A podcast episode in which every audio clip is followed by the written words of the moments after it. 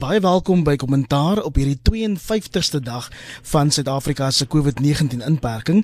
President Cyril Ramaphosa het oor die naweek weer gesuggereer dat die grootste deel van die land al voor einde Mei na die minder drakoniese vlak 3 inperking sal kan beweeg en dit behoort die ekonomie hupste toe gee en ook te help om die nasionale gemoedstoestand effens te stabiliseer.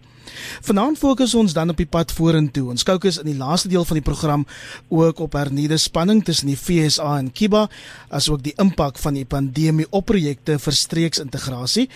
Op Stellenbosch sluit Dr Leslie van Rooi van die Universiteit Stellenbosch by ons aan. Nancy Leslie. Hallo Iwer. In Johannesburg praat ons met professor Antoni van Nieuwkerk van Witse Skool vir Regeringskunde. Nancy Antoni. Goeienaand Iwer. En professor Christie van der Westhuizen van die Nelson Mandela Universiteit sluit al die pad vanaf Port Elizabeth by ons aan. Nancy Christie. Nou, Iver, lekker om saam met julle te wees. Baie dankie Leslie, ek gaan jou vra om vanaand se gesprek in te lei. Sommer algemene indrukke oor waar ons as 'n nasie staan in terme van die COVID-19 inperking en dan die waarskynlike oorbeweeg na vlak 3 Ons president het dit vir ons minstens 3 keer gesê in in hierdie week en hy het herhaaldelik die woorde ehm um, voor einde Mei gebruik Leslie. Hmm. Ja, ons president het hierdie week gesê julle wil hê ek moet met julle praat, so ek gaan met julle praat. Daar's drie goed wat ek wil sê. Ons is op pad na vlak 3 soos jy gesê het as rasionaal agter die meeste van die goed wat ons doen en verskoning vir die arbitreëre sake waar ons nie kon regkom nie. Alhoewel dis nou amper duidelik dat ons onder die vlakke van inperking wat ons tot dusver beleef het gedoen het wat ons kan doen. Uh weke se voorbereiding, nou byna amper 2 maande se voorbereiding uh om seker te maak dat ons gereed is vir 'n krisis. Dis baie duidelik dat Suid-Afrika nie noodwendig 'n ander pad gaan stap as die meeste ander lande nie. Uh ons het regtig besonder arbitreëre besluite gesien veral oor die afgelope paar weke. Ons weet van polisie brutaliteit ook van die weermag en so, maar in kort dink ek uh, het ons gedoen wat ons kan doen.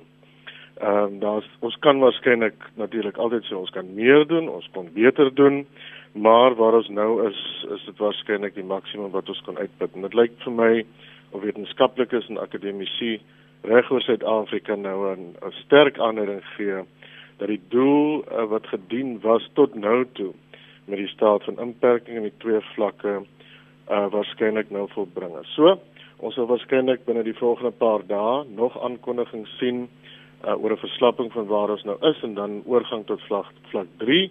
Die groot vraag is natuurlik wie waar is en of ons 'n groot onderskeid gaan tref tussen streke en munisipaliteite en daardie provinsies. En ek is in die Weskaap, so ons is nogal gretig om dit te hoor. Maar dit is baie duidelik dat selfs onder op vlak 3 uh, en verder uh, ons nie uh, jy weet verder kan keer uh, wat eintlik nou maar 'n algemene tendens is nie. Ons sal later spesifiek oor die Weskaap praat. Maar wat sal voorlê is waarskynlik dat ons die groot byeenkomste sal beperk en waar ons kan sal stop. Ons sal met mooi dink oor skole veral, maar dit sal oorwees aan die publiek min of meer soos wat dit ook nou is om seker te maak uh dat die gesondheid algemene etiket en so gehandhaaf moet word. Uiteindelik is dit meer Wieso van Reinstorp wat sy besluit sal moet neem. Ehm um, mevrou Davenport op Pierston. Ehm uh, maar ehm um, ja, ons sal nie anders kan as om te verslap nie en uh, ons hoef nie daaroor te sleg te voel nie. Ons het gedoen wat ons kan doen. Ons moet kyk wat ons nou kan oplewer. Maar ons moet verstaan uh dat soos wat dit daagliks gebeur, Suid-Afrikaners wel hulle lewens ongelukkig sal verloor. Christias Leslie nou sê ons het gedoen wat ons kan doen en ons weet daar woed 'n bitter geveg op sosiale media en in die nuusmedia oor die geloofwaardigheid van die wetenskap waarop van die besluite tans geneem word. Het inperking dan moontlik sy doel gedien? So stop wetenskaplikes soos professor Shabir Madi en Dr Glenda Gray begin aanvoer. Ja, kyk ek dink dat die wetenskaplikes in die algemeen probeer nie uitermate negatief vir die regering wees nie. Weet ons ons weet almal dat hierdie is 'n situasie sonder president uh in ons leeftyd minstens. So so dit is ek dink dit is 'n moeilike situasie en, en ek dink die wetenskaplikes probeer gematigd oorkom, maar aan die ander kant probeer hulle ook aan die regering oordra dat dit werklik waar nodig is nou om die inperking ehm um, ernstig te verlig. As ons kyk na die sukses van die inperking, ehm um, weet uh, die algemeen sê hulle ja, ons het ons het definitief uh die die geleentheid gebruik om meer hospitaalbeddens voor te berei. Ehm um, ek sien die president iets genoem van iets 25000 ekstra beddens wat nou wat nou voorberei is vir die piek. Uh en en uh weet in sommige provinsies natuurlik soos die Oos-Kaap is daar ten minste die laaste week hoe wat is daar is al ook opgevang, so dit is ook goeie nuus. Maar uh, wat Marie ook uitgewys het in sy kritiek is dat wat ons wel ehm um, weet gesien het daar aan die begin van die inperking met met die president het met een van sy uh, aankondigings het, het hy gesê dat die inperking is gewys as suksesvol deur die feit dat die uh, gevalle afgeneem het daar die eerste paar weke in die inperking en maar Marie sê die eintlike rede daarvoor is 'n afname in toetsing in daardie eerste paar weke. So van 2300 toetse per dag voor die inperking begin het, het dit uh, toetsing toe gedaal na iets soos 1000 per dag. So dit is die eintlike rede uh, vir die vir die daling in in in uh, in, in gevalle. So weet die die die hele kwessie van toetsing is sentraal om om te verstaan wat wat uh, met die hele met die pandemie aangaan. En wat ons definitief sien is ongelukkig dat uh weet behalwe die Wes-Kaap sukkel die ander provinsies. Weet Gauteng se syfers maak werklik nie ehm um, sin nie. Uh ons sit met 'n situasie van uh, ek dink hierdie week het ons opgegaan tot 'n gemiddeld van net so oor die 16000 toetse per dag teenoor 36000 toetse by uh, nasionale laboratoriums uh, diens beloof het. So dis al ver onder daardie syfer. En wat die, die wat erger is selfs is die feit dat dit vat tot 14 dae vir ons om die uitslae te kry van 'n toets. Nou dit maak uh, eintlik 'n bespotting van die hele strategie van toetsing, uh, opsporing, isolasie. So uh, en, en dit is 'n komens soos Marie sê, kom ons probeer nie eers verder daarmee aankarring nie, want dit is daai dis dit daai fase is verby. Dit kan nie meer suksesvol wees nie. Op hierdie stadium moet daar nou oorgeskakel word na 'n brandpunt strategie soos wat gevolg word in die Weskaap. So identifiseer brandpunte en jy gaan daarin en jy doen jou toetsing en naspeuring ensovoorts. Antonie, ek het nou vir 'n oomblik geglimlag toe Christie sê hierdie is 'n situasie sonder 'n president, want ons weet ons president was ook vir 3 plus weke mos eintlik afwesig. Almal het gevra waar is Cyril Ramaphosa en ek sien die Financial Mail sê ook in 'n hoofartikel hierdie week, hulle is nie seker waarom hy hoegenaamd die nasie toe gespreek het wat hy nou eintlik gesê het nie. Was dit bloot om mense tevrede te stel? Dit klink vir my Leslie kon daarvan sin maak of um, omdat hy besef dat die publiek al hoe onrustiger word oor die wyse waarop hy en sy kabinet hierdie krisis bestuur. Ja, uh, Iver, een van die rolle wat die president moet speel, ehm um, is om die nasie gerus te stel en so hy moet in staat wees om die ehm um, die temperatuur te meet uh en die onrus en die ongemaklikheid onder die nasie uh na te speur en en en dit aan te spreek. En ek dink hy het probeer om dit te doen. Ek dink nie hy het bedoel om 'n tegniese toespraak te maak nie. Hy het juist gesê hy gaan dit vir sy ministers los om in die dae wat voorlê na sy toespraak meer detail te gee. Maar baie mense was 'n bietjie teleurgesteld geweest oor die manier waarop hy ons probeer gerusstel het. Baie mense het selfs gesê hy lyk 'n bietjie moeg en tam en uh, afge afgerem en so aan. En dit dui vir my op 'n ander ding, uh, Iwer waaroor waaroor ons dalk op 'n stadium of 'n ander dag moet gesels en dit is die die manier van besluitneming, die kwaliteit van besluitneming wat nou gesentreer is rondom hierdie uh, nasionale korona bevelsraad as ek die Afrikaanse vertaling reg het. En daaroor wonder 'n klomp mense. En soos ons nou almal weet, daar's hofsaak dryf en daar's mense wat vra vra oor die legitimiteit van hierdie van hierdie struktuur ek self vra vra hoekom dit is dat dat die president vroeër in die jaar met die staatsrede met die opening van die parlement aangekondig het dat 'n uh, nasionale uh veiligheidsraad heringestel gaan word wat krisisbesluitneming moet doen as 'n krisis sou opduik. En hier het 'n krisis nou opgeduik en uh, ek weet nie of kan hoor nie. Ons kan jou hoor. Ons gaan gou vir Christie terugbel want daar's 'n ekko op haar lyn En ek ek dink dit is 'n dis 'n ding wat voor lê want uh, ek wil 'n ander ding sê. Uh alhoewel verslapping nou toegepas gaan word, beteken dit nie en ek dink my twee kollegas het dit lekker opgesom uh dink ek nie dat ons hoegenaamd nog uit die krisis uitbeweeg nie. Dit lê nog daar lê nog baie maande van swaar dra voor. En dit beteken dat die kwaliteit van besluitneming sal moet verbeter trouens. En uh Iwer as jy my toelaat om 'n minuut te spandeer om 'n ding te doen nou. Ek ek wil probeer opsom ek dink ons op die oomblik staan met hierdie koronavirus krisis en net die hooflyne vir jou aanbied of vir ons luisteraars. En ek wil net 3 of 4 of 5 punte maak. Ehm um, die eerste een is hierdie virus gaan nie weggaan nie en wat ons ook al doen, ons kan nie ontslaa raak van die virus nie. Hy gaan bly versprei en ons weet nou hy is hoogs aansteeklik. Dis die eerste punt. Die tweede een is 70% van mense wat geïnfekteer word is asymptomaties. Wys dit nie. 25% van hulle kry 'n ligte siekte of 'n ligte aandoening. 5% van hulle ontwikkel 'n erge siekte en gaan hospitaal toe en baie het hulle het dan 'n groot kans om daar dood te gaan. En 80% van hulle is ouer as 56 of hulle het hierdie onderliggende simptome, jy weet komplikasies soos hipertensie of diabetes of uh, of hulle is oorgewig. Dan weet ons ook kinders jonger as 18 jaar sukkel nie soos die ander mense nie. Die verdere punt is daar's nie 'n entstof of 'n teenmiddel of 'n kuur vir hierdie virus nie. Uh en dit gaan lank duur voordat ons een kry. En uh, die idee van 'n kudde immunisasie beteken dat omtrent 60% van ons bevolking sal aan sal moet aangesteek word of die virus onderlede kry en dan moet herstel en dan kan 'n mens begin praat van 'n natuurlike immunisasieproses. Uh die volgende punt is wat ek dink uh beide my twee kollegas reeds genoem het is 'n langdurige inperking of 'n grendelstaat het ongelooflike gesondheidskoste. Met ander woorde, iwer mense wat aan ander siektes ly, sê maar kanker of tuberkulose, word op die agter uh, lyn geskuif want ons het nou mos voorberei vir die virus en daar dink ek word skade gelei. Selfs kinders wat ingeënt moet word, uh word agterweë gelaat. Die ekonomiese koste begin die mense nou vir ons verreken is ook baie groot en dan die sosiale koste. Daar's ook uh buiten die feit dat mense depressief of angstig raak, het ons uh, hierdie polisie brutaliteit wat ook aangespreek moet word. En al hierdie goedes wat ek nou wil saamvat sê vir my dat uh, en ek luister na die Wits Akademie hoofsaaklik.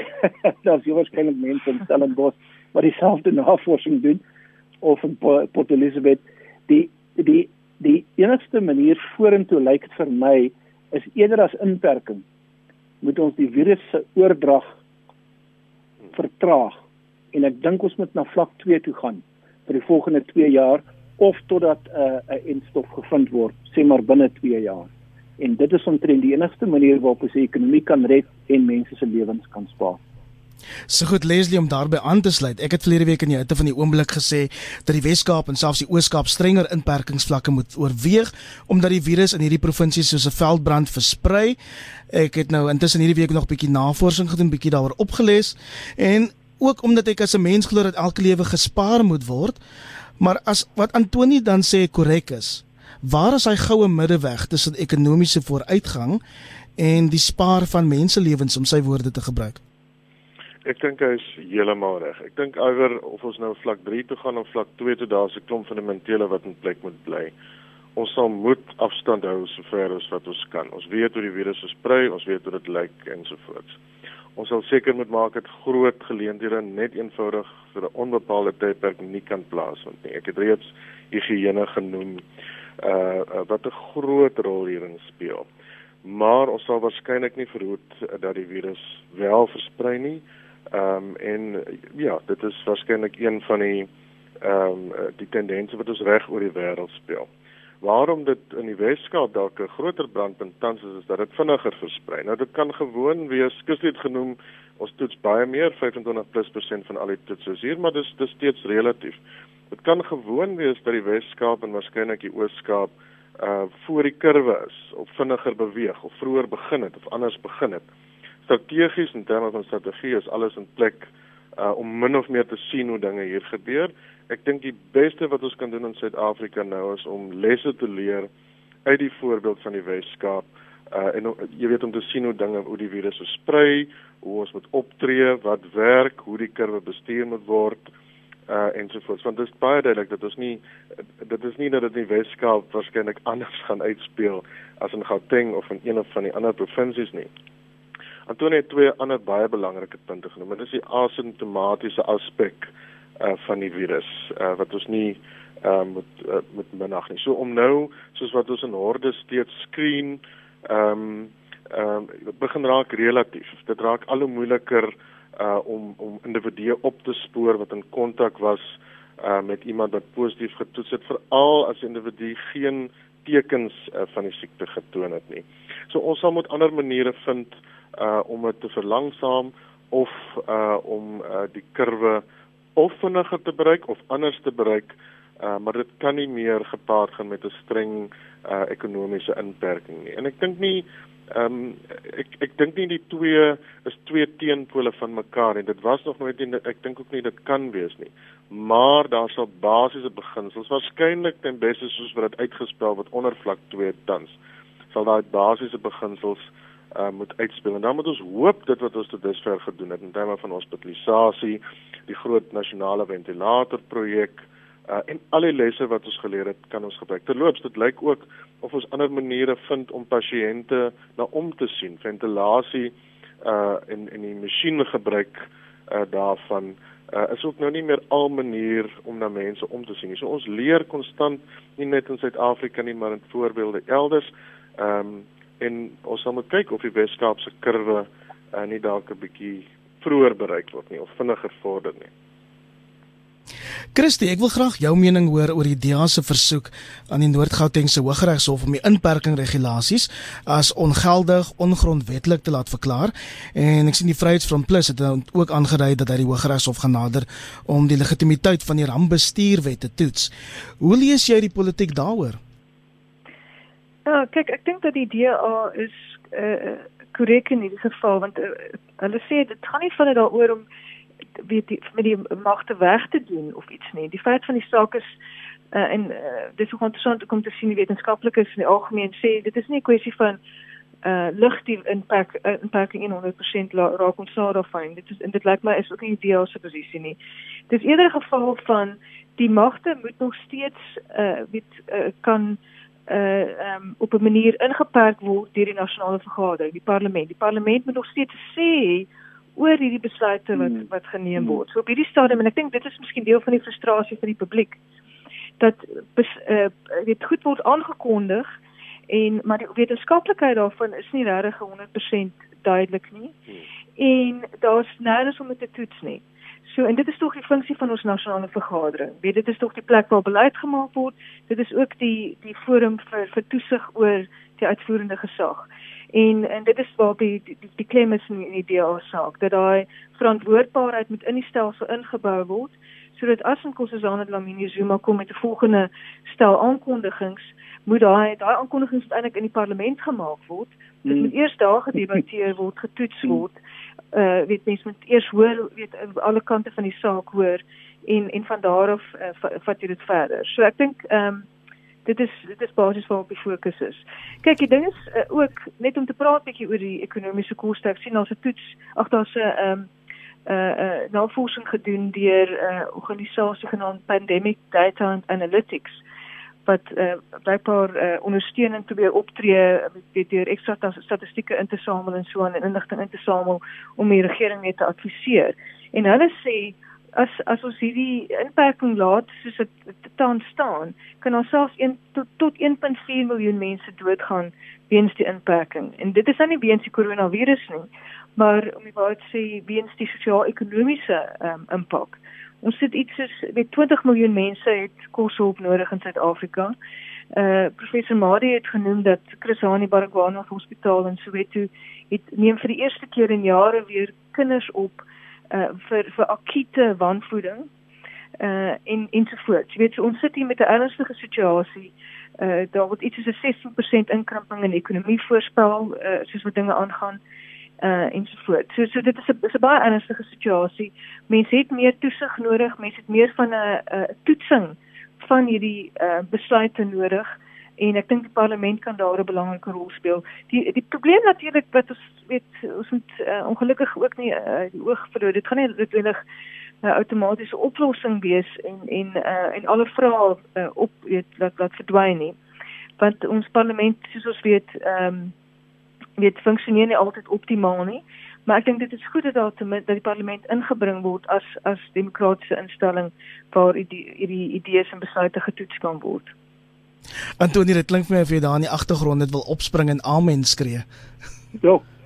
Uh I wil uh, ek sien 'n paradoks raak. Uh en dit is dat ehm um, die DA en die Vryheidsfront en die politieke oppositie oor hierdie geval tegnies korrek is, maar die politiek daarvan is problematies. Sodra die DA en John Steenhuisen en ander mense opspring en sê julle in die regerende party bestuur die ding verkeerd, dan verpolitiseer jy die ding onmiddellik en jy maak dit baie kry. En die ANC as die regerende party gaan terugslaan en vir die DA probeer terugkry. Eh terwyl die die so die baba word met die badwater uitgegooi uh en die die kwessie bly staan. Ek het vroeër gesê dat ek bekommerd is oor die kwaliteit van besluitneming en oor die argitektuur van die bevelsraad, selfs die naam is 'n bietjie problematies. En dat hy nie uh hoef verantwoording te doen aan die ehm um, regsprekende gesag nie, aan die parlement nie. En die parlement self om met die paradoks te verdiep. Die parlement self weet nie of hulle 'n uh, aanlyn 'n sitting kan hou en of hulle, jy weet, getref gaan word deur uh die verkeerde beelde op hulle Zoom skerms nie. So hulle sukkel self om hulle self aan die gang te kry om hulle werk ordentlik te doen. Maar kom ons neem aan dat hierdie tegniese probleme uit die uit die weg geruim word. Dan lyk dit vir my die volgende situasie uh uh kom nou na vore. En dit is dat as ons ons besluit as die regering sy besluitneming kan verbeter en nie staatsakteurs die privaat sektor en ander wetenskaplikes kan intrek in die proses om die data te vertolk nie dan gaan ons almal verder sukkel met hierdie goed waarvan Christie praat en dit is die die ellende wat kom uit die gevolge van die inperking.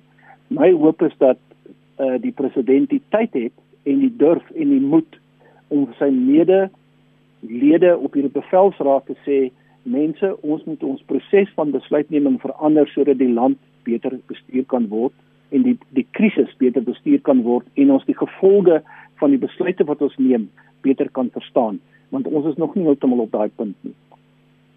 Leslie, kom ons skuif die gesprek vorentoe en van kommentaar se gereelde luisteraars se skoolleerders een het dan net vir my laat weet, bring asseblief vir ons goeie nuus oor skole en ek dink sy goeie nuus is dat dit nie gaan oopmaak nie.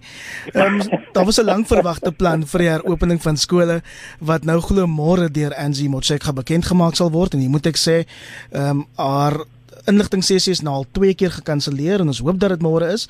Wat verwag jy van die minister?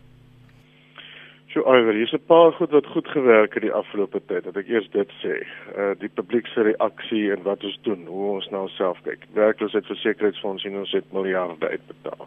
Ehm um, COVID-19 sosiale toekennings, nasionale ventilatorprogram. Ongelukkig kan ons nie die departement basiese onderwys op daai lys sit nie. Nie net is die kommunikasie regtig swak nie, uh, maar blyk dit ook of daar baie beperkte planne is uh, wat op die tafel is. Môre is daar sekere lede van die skole se bestuurspanne uh wat uh, terug sal wees en en seker sal maak kyk of alles gereed is uh of nie.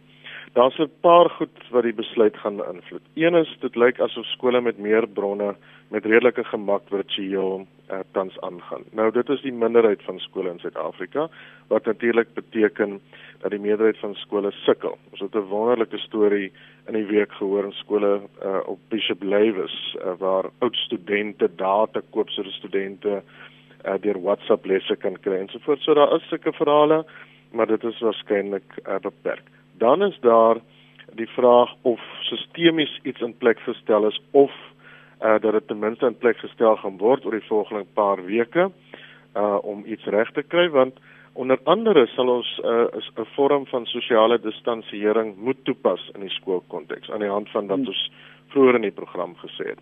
Maar daar's 'n klomp voordele. Ek dink uh, as dit so gebeur het dat die provinsiale departemente oor die afgelope paar weke moeite gedoen het om planne in plek te stel, dan sou ons waarskynlik kan begin uh, met met um, kontakklasse in skole of ten minste 'n gemengde leerervaring in skole wat natuurlik veral sal fokus op matrikulante. Ons is as universiteite hoogs bekommerd dat die dat die skooljaar dalk nie klaar sal wees nie, so vir graad 11 en, en dan nou uh, pertinent graad 12.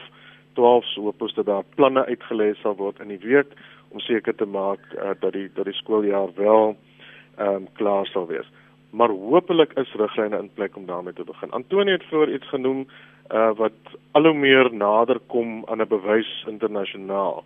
En dit is die effek van die virus op kinders. Uh dit is relatief kleiner en natuurlik nie in alle gevalle nie en ons weet nog nie heeltemal hoe dit uitspeel nie, maar dit lyk of dit relatief kleiner is onder veral kinders wat 'n baie positiewe teken is. Maar skole en hopelik hoor ons dit môre sal programme en prosesse in plek moet stel om 'n mate van distansiering te laat gebeur wat waarskynlik sal beteken dat nie almal gelyk terug sal kan keer na hmm. skole nie. Wie teruggaan, hoe dit teruggaan lyk, hoe daar opgevang sal word veral in skole met minder hulpbronne en natuurlik hoe die unies op sal tree en onderwysers die proses dan sal bestuur sal ons moet sien maar hopelik kry ons 'n uh, rigting uit 'n minder senuagtige minister hopelik teen môre aand.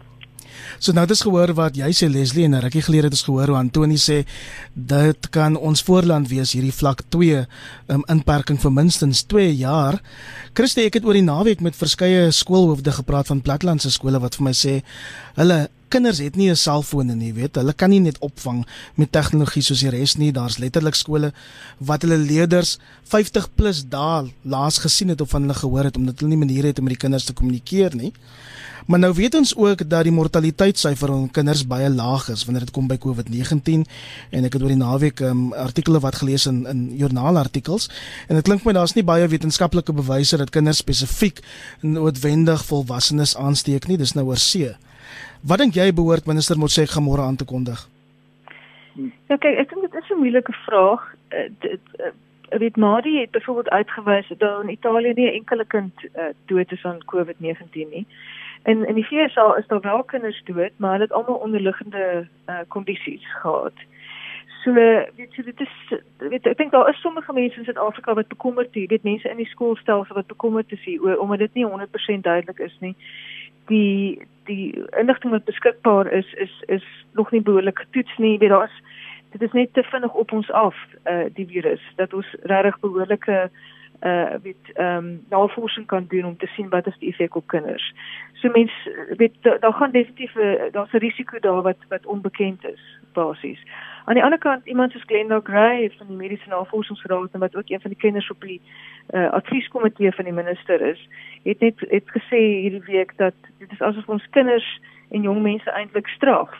Uh en en ehm um, sy het ook uitgewys dat uh, terme van toegang tot kos baie van ons ons het ons voedsel uh skemas wat deur deur skole bedryf word en dit is deel van ons ons uh hongersnood krisis wat ons nou het. Dis dat kinders dan nie by gewone kanaal meer by, by, by uh, kos kan kry nie. So so dat allerlei implikasies ander implikasies uh ook aan aan aan die situasie. Ehm um, ek sien ook 'n uh, storie oor wat praat oor onderwysers se poste wat in gedrang is die weet ouers wat die skoolgelde kan bekostig nie as gevolg van die inperking en so aan so So dit is eintlik 'n onhoudbare situasie en as ons in ag neem dat volgens die voorspellings kyk ons na minstens tot uh, einde 2021 selfs tot in die begin van 2022 dat ons met hierdie pandemie gaan sit. Uh, weet ons kan nog genoem die kinders uh, weer weet uh, of of kinders beroof van van opvoeding vir so 'n lang periode nie. So daar's 'n manier om dit te doen. Ek dink dit ehm um, wie sou kyk na uh, infasering daar is uh, al vroeër gepraat oor byvoorbeeld om uh, weet jou uh, graad 7s en jou graad 12s byvoorbeeld eers in te bring en dan uh, weet die ander grade in te faseer. Weet daar's daar's ek dink hulle moet kyk na verskillende opsies en soos wat jy nou ook uitwys daar's ongelooflike ongelykhede tussen ons skole en in landelike gebiede is dit heeltemal 'n ander storie. Uh net ook ek moet sê dat uh, universiteite universiteite sien dieselfde ding, weet van die uh, jou hmm. jou top 5 universiteite natuurlik het nie 'n probleem die meerderheid van hulle studente het toegang tot rekenaars uh, of of uh, of minstens 'n slim foon uh, maar uh, en, en uh, diegene wat nie het nie die universiteite het genoeg fondse om om aan hulle te verskaf byvoorbeeld my universiteit het nou 'n uh, klomp rekenaars beskikbaar gestel aan studente wat nie het nie.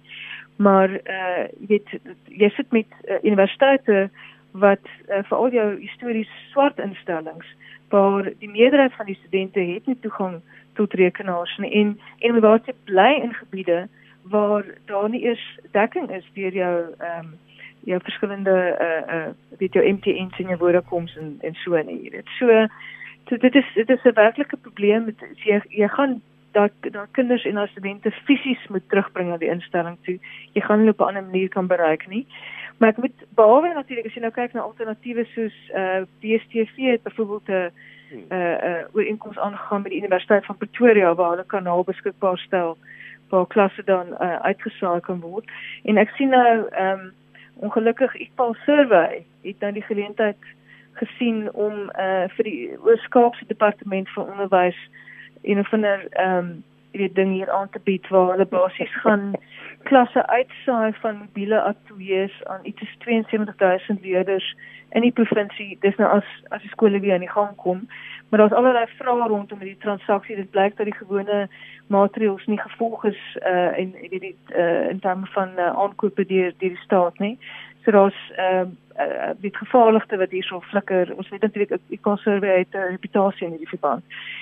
So maar maar die ander opsie sou natuurlik wees om om uitsaai dienste te gebruik of jy nou 'n radiostasie gebruik of of uh, miskien 'n pla plaaslike televisiestasies uh, ons het 'n met by TV byvoorbeeld die show in die, in die Nelson Mandela Bay en so aan. So mense moet kyk na alternatiewe. Dit is ook dit is ook 'n opsie. Maar uiteindelik dink ek ehm um, uh, as dit kom by diep landelike gebiede waar daar nie ontvangs is nie, uh, dit lyk dit vir my onvermydelik dat eh uh, leerders uh, gaan fisies moet terugkeer na na daai skole. Ons gaan die pas bietjie optel nou op kommentaar net ter wille van van die tyd wanneer ons wil baie graag praat oor van die buitelandse kwessies ook.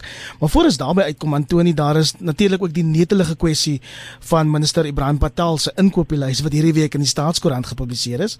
'n Lys van wat ons mag koop, wat ons nie mag koop nie en ek sien die DA beskryf dit as 'n Alice in Wonderland fabel. Wat dink jy? Ja, ehm um, ek wil vinnig uh, iets sê wat Christie uh oor gepraat het. Uh, ek dink ons moet dit beklemtoon dat uh, die onderwyskrisis is 'n diep krisis binne die uh, coronavirus krisis. En hy gaan nie vinnig opgelos word nie. Ek is jammer om dit te sê, maar uh die oplossing is nie voor die hand liggend nie. Dit gaan baie moeilik wees. Die rede hoekom die minister haar haar aanbieding uitstel telke male is omdat sy nog nie dit reg kry of sy en haar span, die departement of die regering dit reg kry om 'n sistemiese benadering of oplossing aan te bied nie, want die probleem is gewoon te groot. En die grootste rede daarvoor is ons bly 'n land met diep ongelykhede. Die die oplossings wat vir middelklas mense uh uh voor die hand liggend is, jy weet DStv, slimfone, rekenaars, MTN en al daai goeders is vir die meeste van ons leerders nie beskikbaar nie. En ek wil 'n tweede punt doen baie vinnig. Uh al drie ons ons deelnemers nou vanaand uh weet van klas gee. en daar's 'n probleem wat uh wat ek dink ek optel as ek moet klas gee deur Zoom. En daar is 'n probleem met die pedagogie. Daar's 'n probleem met die manier waarop mense leer deur Zoom of met 'n aanlyn platform. Ek dink nie dit werk baie goed nie en ons het nog nie uitgewerk hoe om hierdie ding hierdie ding te oorbrug nie. So die kombinasie van en ek dink dit is nog erger met skoolkinders. So die kombinasie van hierdie probleme gaan vir uh, Angie môre aan uh grys hare gee en ek weet nie wat sy gaan sê nie. Uh die ding van Ibrahim Patel is uh ek dink ons sal almal saamstem teen hierdie tyd want hierdie ding is nou lekker bespreek in die sosiale media. Mense maak 'n bietjie 'n grappie daarvan om te sê dat hier is 'n minister wat dink ons kan soos in die Oos-Duitsland of in die uh, in die tyd van die Sowjetunie die staat gebruik om heeltemal 5 100% voorskriftelik te werk te gaan om te sê van die van die wieg na die graf dis hoe jy jouself moet gedra. En uh trouens, ek dink nou nadat ons nou 'n bietjie gelag het oor sy benadering maar ook besef het tegnies dat hy gekonsulteer het met die klerevervaardigers bedryf en gevra het watter klere kan ons vir die mense aanbied sodat ons daarom nou nie 'n stormloop het na die winkels as alles oopgemaak word nie. Dink ek kan ons nou ook besef dat 'n uh, uh, 'n uh, onbedoelde nadraai van hierdie insident van Ibrahim Patel is die ideologie van die van die sosialisme dink ek word nou onder die loep geneem en ek moet vir jou sê ai wat is 'n gesprek vir 'n ander dag dalk wat is die wêreld uh die die die wêreldsiening en die ideologiese benadering van die regerende party soos wat hulle deur hierdie fases van die koronakrisis beweeg ek dink dit is nou baie subtiel uh, uh dinamies en ek dink dit dit verander omtrent weekliks en jy moet jouself afvra op die keper beskou. Uh die president Cyril Ramaphosa. Hy is die president van 'n politieke party wat watter uh, ideologiese bestel voor staan. En die rede hoekom ek dit noem is ons sal op 'n stadium moet baie diep dink oor hoe ons ons ekonomie aan die gang weer moet kry. En daar gaan hierdie ideologiese benaderings baie uh, baie belangrik wees. En ons gaan ook baie diep moet dink oor die toekoms van streeksintegrasieprojekte soos die Europese Unie, SADC, selfs die Afrika Unie wat onder druk is oor hierdie COVID-19 pandemie en die tyd het ons amper ingehaal Leslie, maar hoe verander COVID-19 die toekoms van van hierdie projekte? Kan ek jou voorbeeld van arbitrair gee? In in baie Wes-Europese lande op die vasteland veral is daar dorpe reg oor grense en ek bedoel letterlik op grense. In die afgelope tyd moes grense sluit uh omdat uh, jy weet lande wil verhoed dat mense van die een land na die ander reis. Maar dit is dorpe waar mense gewoon uh op 'n weeksaand of oor 'n naweek inkopies doen in wat konsyns die ander land is uh en en en jy weet wat nou aan die ander kant van die grens is dat mense dit nie mag doen nie. Nou dit is so arbitrair soos wat dit kan kom. Maar daar's 'n vrees uh dat 'n uh, land homself moet toesluit en beperk uh en moet verhoed. Nou daar was 'n interessante voorbeeld in Duitsland die afgelope tyd. Duitsland het in die in die Wes-Europese lande uh die meeste intensiewe sorgbeddens by verre. Uh en Duitsland gegee hoe die krisis bestuur het, uh het nie al daai beddens nodig gehad nie, net nogal jy weet met met groothartigheid uh die beddens beskikbaar gestel vir hele paar Wes-Europese lande om om te gebruik en so maar dit is waarskynlik ook Duitsland se manier om sy plek te bevestig en om te wys dat die Unie moet werk. Uh veral dan nou aan die hand van van Brexit en wat nou nog moet kom. Maar ons sal vir 'n baie lang tyd sensitief wees oor grense. Ek dink nie ons is al daar dat ons nie dink grense sal weer vloei nie en dat ons nie weer sal beweeg nie, maar dit is die eerste uh, eerste tyd in jare dat ons weer dink uh oor veral in die in die in die in die streke waar oorgrensbedrywe goed bestuur word en vloei dat ons weer wonder oor wat kan en en wie kan en wat wag uh, en nie wag nie. En dan moet ons nog besluit iwer of ons weer wil reis en hoe ons wil vlieg uh, na lande toe veral ons uh, in Suid-Afrika uh en dit sou waarskynlik vir 'n groot kopskuif terugvra indien ons by die punt kom waar ons heeltemal terugbeweeg. Kollegas, die tyd het ons ingelukkig ingehaal, maar ek wil hom 'n brokkie van 'n baie baie betroubare bron ehm um, deurgee wat laat weet dat hierdie week 'n soort draaipunt vir die ANC was. Blykbaar was meneer Ramaphosa Woensdag aand laat vir sy afspraak met die nasie omdat sekere ministeries weer laat was met hulle insette. Die sweep het blykbaar geklap. Ministers is gevra om hulle sokkies op te trek en die president sê hy voel nogal in die verleentheid wanneer wanneer mense vir hom kwaad is omdat hy laat is en van wat hierdie onberispelike bron um, bevestig sal môreoggend 'n vergadering van die presidentsiële koördineringsraad wees en die eerste uur sal regstreeks uitgesaai word as 'n soort eerste poging om weer deursigtig te wees en ook beter te kan kommunikeer met die nasie. Baie dankie vir die saamluister. Um, ons het nog heelwat dinge om oor te praat, maar ons skuif dit dan aan vir volgende week. Hoopelik het ons meer duidelikheid oor waarheen die land nou op pad is post COVID-19. Dr Leslie van Rooi van Universiteit Stellenbosch, baie dankie Nancy Leslie. Dankie Aver. Goeienaand professor Antoni van Nieuwkerk van Witse Skool vir Regeringskunde. Dankie Antoni. Dankie Iwer. Ek dink die bevelsraad luister na RSG. Ek vermoed so. Hmm. Want ek het dit gehoor hierdie week. Ook baie dankie professor Christie van die Westhuizen van die Nelson Mandela Universiteit. Ja, dankie Iwer. Lekker om saam met jou te wees. My naam is Iwer Price. Mooi week verder.